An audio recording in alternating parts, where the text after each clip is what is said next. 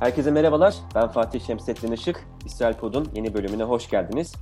Bu bölümde bir haftalık aralığının ardından yine Mustafa Fatih Yavuz'la birlikteyiz. Abi hoş geldin. Kudüs'te 6 yıl aranın ardından kar yağdı.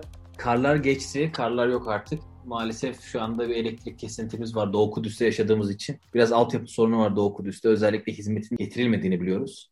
E, o sebeple şimdilik elektriksiz telefonumuzun internetinden bağlanıyoruz. Bakalım ne olacak. Dün yaklaşık 8-9 saat elektriğimiz yoktu. Şimdilik böyle devam ediyor. Aynı zamanda havalar kapalı ama bu kış aylarında normal geçtiğimiz günlerde çok iyi havalar vardı. Özlediğimiz havalardı açıkçası.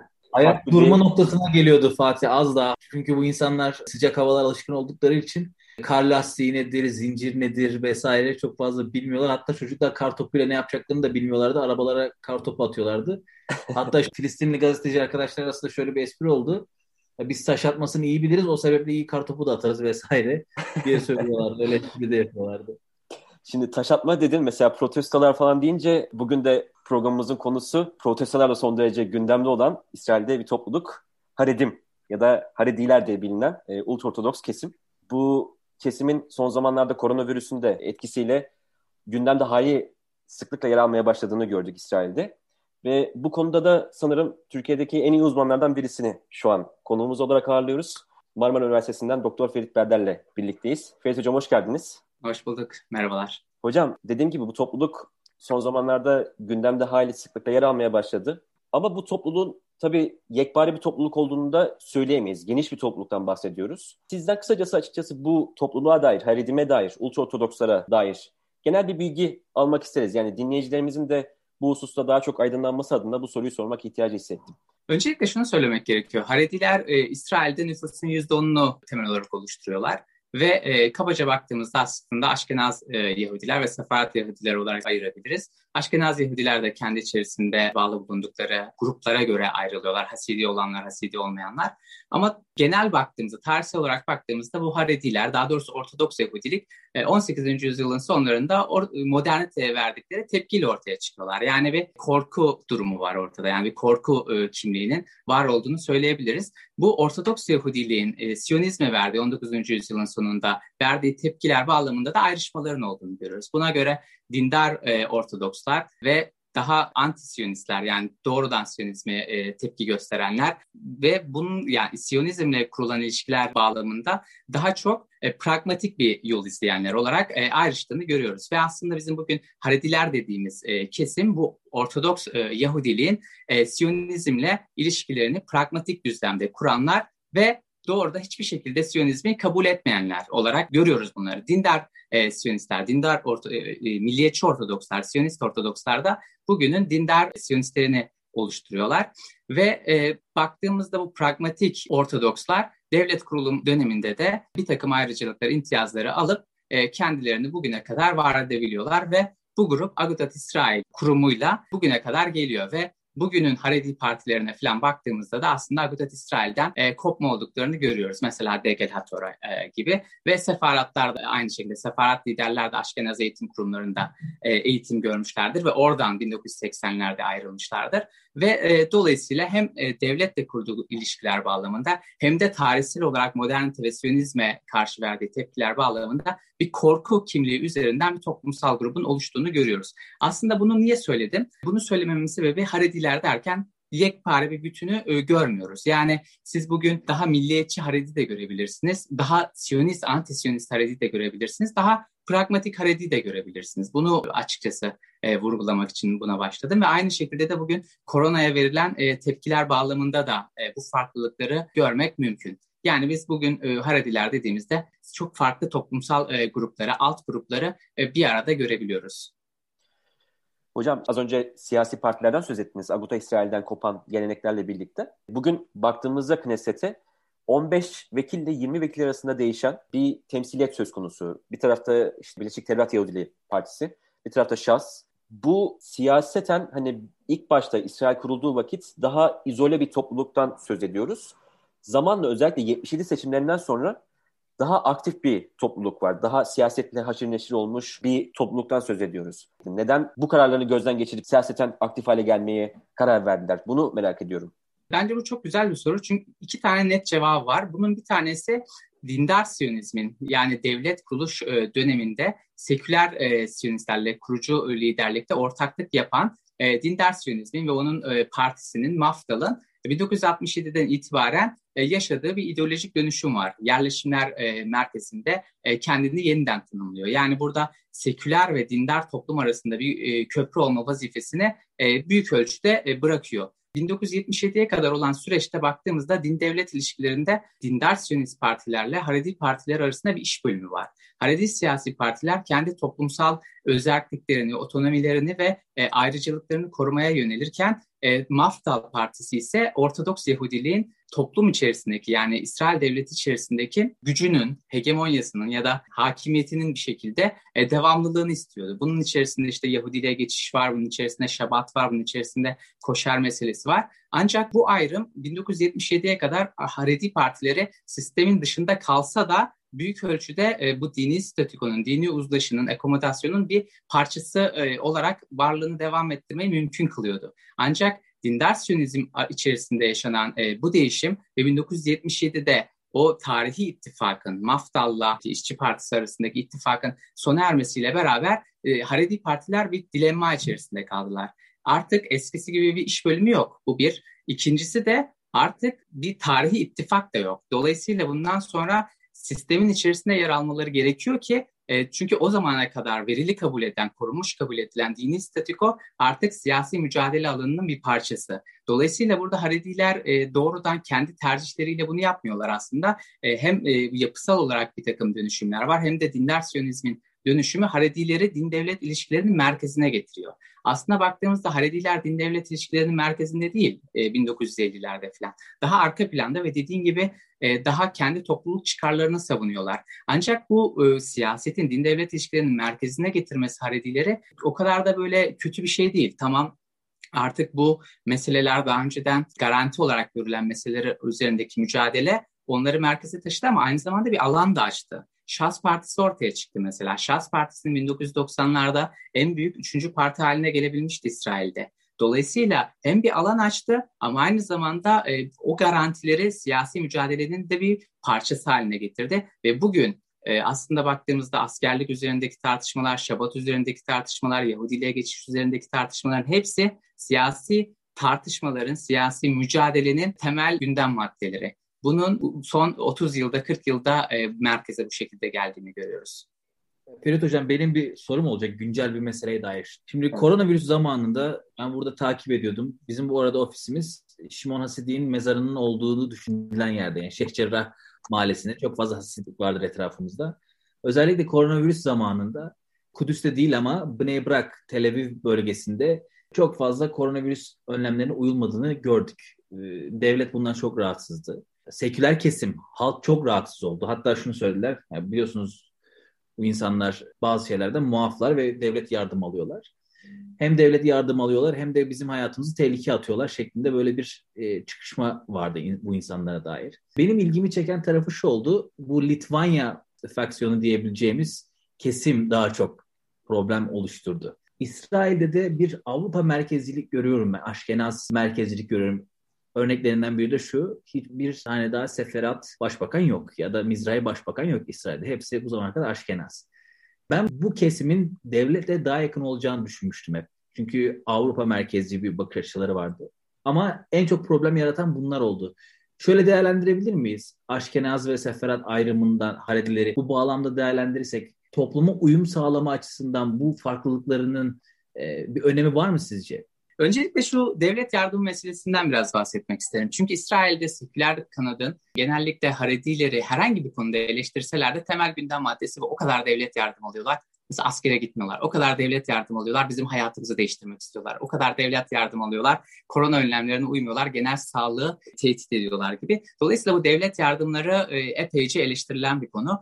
Ki zaten siyasi e, partilerde bu Liberman'da, Yeşetit'te e, zaman ki özellikle 2013 seçimlerinde ondan sonra da epeyce gündeme getirdi bu devlet yardımlarını. Şu hatta bu devlet yardımlarını bu Haredilerin özelliklerini devam ettirici bir takım e, unsurlar var. Mesela müfredat özelliği, eğitim özelliği. Bunların devlet eliyle buna müdahalesinin bir aracı olarak bile görmeye başlamışlardı. Yani işte minimum e, müfredatı uygulayın yoksa devlet yardımları azalır. Yani bunu bir sopa gibi kullanmak bile istemişlerdi. Dolayısıyla bu devlet yardımları meselesi e, çok çok anti-Haredi e, siyasetin, jargonun e, merkezinde e, yer alıyor. Litvanyalılar e, meselesinde de şöyle bir şey var. Aslında ilginç bir şey var bu Litvanyalılar kanadında. Çünkü Aşkenaz toplumu da işte Hasidiler ve Litvanyalılar olarak temel olarak yani kabaca e, ayrılıyor. E, Hasidi olmayanlar diyebiliriz. Ve bu grubun içerisinde de alt fraksiyonlar var. 2012'ye kadar zannediyorum tek bir liderlik vardı. Elyashiv'in liderliği. Ondan sonra Steinman lideri oldu. Ve bu Steinman'ın liderliği döneminde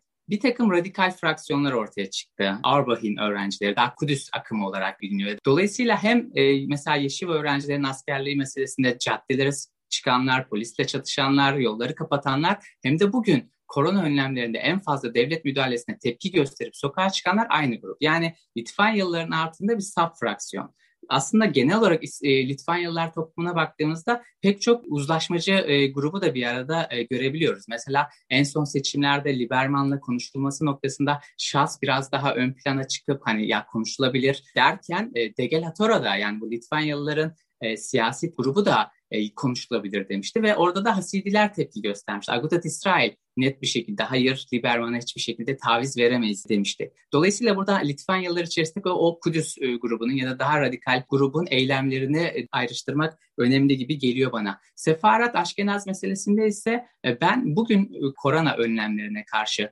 verilen tepkileri de aslında toplumsal kimlik ve toplumsal grup, toplumsal benlik tanımı ya da toplumsal organizasyon üzerinden tanımlamak taraftarıyım. Çünkü e, baktığımızda aslında biz Harediler derken bu daha kapanmacı, daha belirli e, teritorya içerisinde kendilerini, otonomilerini devam ettiren, özelliklerini devam ettiren falan diye konuşurken aslında Aşkenaz toplumundan bahsediyoruz. Sefaratlarda böyle bir şey çok fazla yok. Elbette e, sefarat partileri destekliyor. Mesela Bnei Barak'tan şasa e, oylar falan çıkıyor ama bizim asıl söylediğimiz Aşkenaz Haredi e, toplum modeli. Dolayısıyla e, sefarat Haredilerine baktığımızda ya da Şaz Partisi'ne falan baktığımızda ya da sefarat liderlerine baktığımızda bunlar toplumun genel kesimiyle özellikle gelenekçi kesimiyle daha e, uzlaşmacı, daha yakın ve pek çok mesela Şaz'ın e, oy oranları her zaman Yahudi Tatora'dan daha yüksek olmuştur. Çünkü daha farklı e, toplumsal kesimlere de seslenebilir. Dolayısıyla e, sefarat e, kesimlerin kendi toplumsal kimlikleri diğerlerinden ayrı değil ayrı olmadığı için devlet müdahalesine çok fazla tepki göstermiyorlar. Çünkü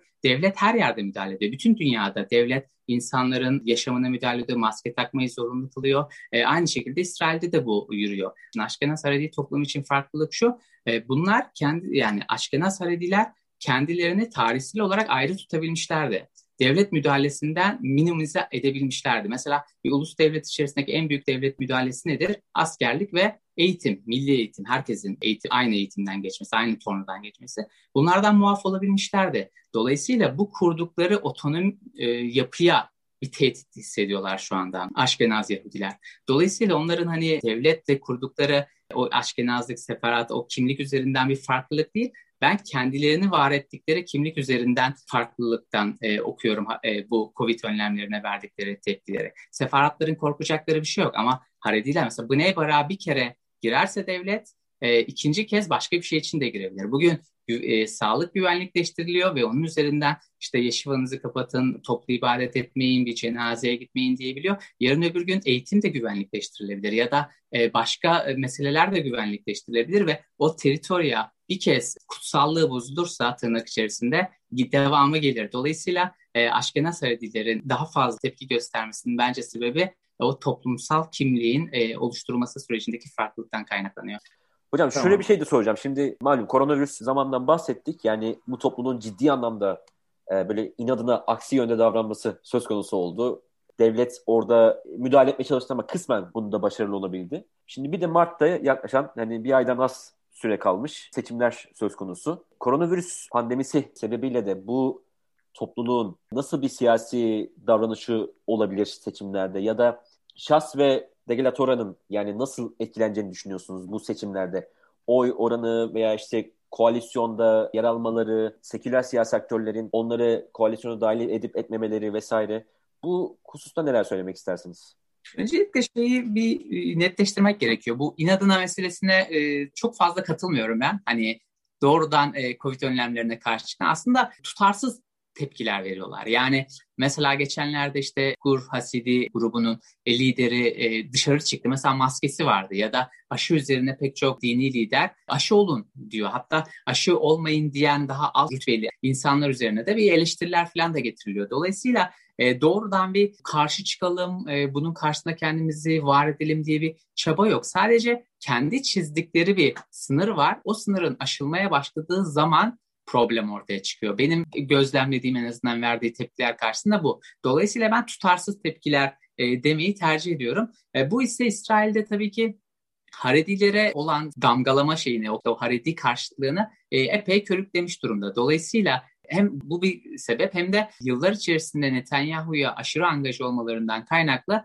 muhalefet partileri için Haredi partiler özel bir önem atfetmiyor. Şey olarak özel bir önem atfetmiyor. Yani onları şu şekilde kazanırız, bu şekilde kazanırız gibi bir siyasi hesap içerisinde olduklarını düşünmüyorum. Öncelikli dertleri Haredilerin hiçbir şekilde içerisinde bulunmadığı e, Likud karşıtı, Netanyahu karşıtı bir koalisyonu kurma becerileri. Eğer bunu sağlayabilirlerse Harediler üzerine düşünmelerine gerek yok. Kaldı ki şu anda e, muhalefet bloğunda iki tane e, temel anti-Haredi parti var. Bunlardan bir tanesi Yeşet Diğeri de İsrail Beytenu yani Liberman'ın e, partisi. Dolayısıyla şu anda Haredi siyaseti, Haredi siyasi partilerin karşı karşıya kayıtları meydan okuma Yamina içerisinden e, Hatsiyonist Hadatit'in ortaya çıkması ve Haredi gençler arasında e, milliyetçi e, trendin yüksek olması, milliyetçi trendin e, oyların bölünmesine e, bir sebep olacağı endişesi Haredi siyasi partilerde. Dolayısıyla şu anda onlar geleneksel oylarını e, muhafaza etme çabasındalar ve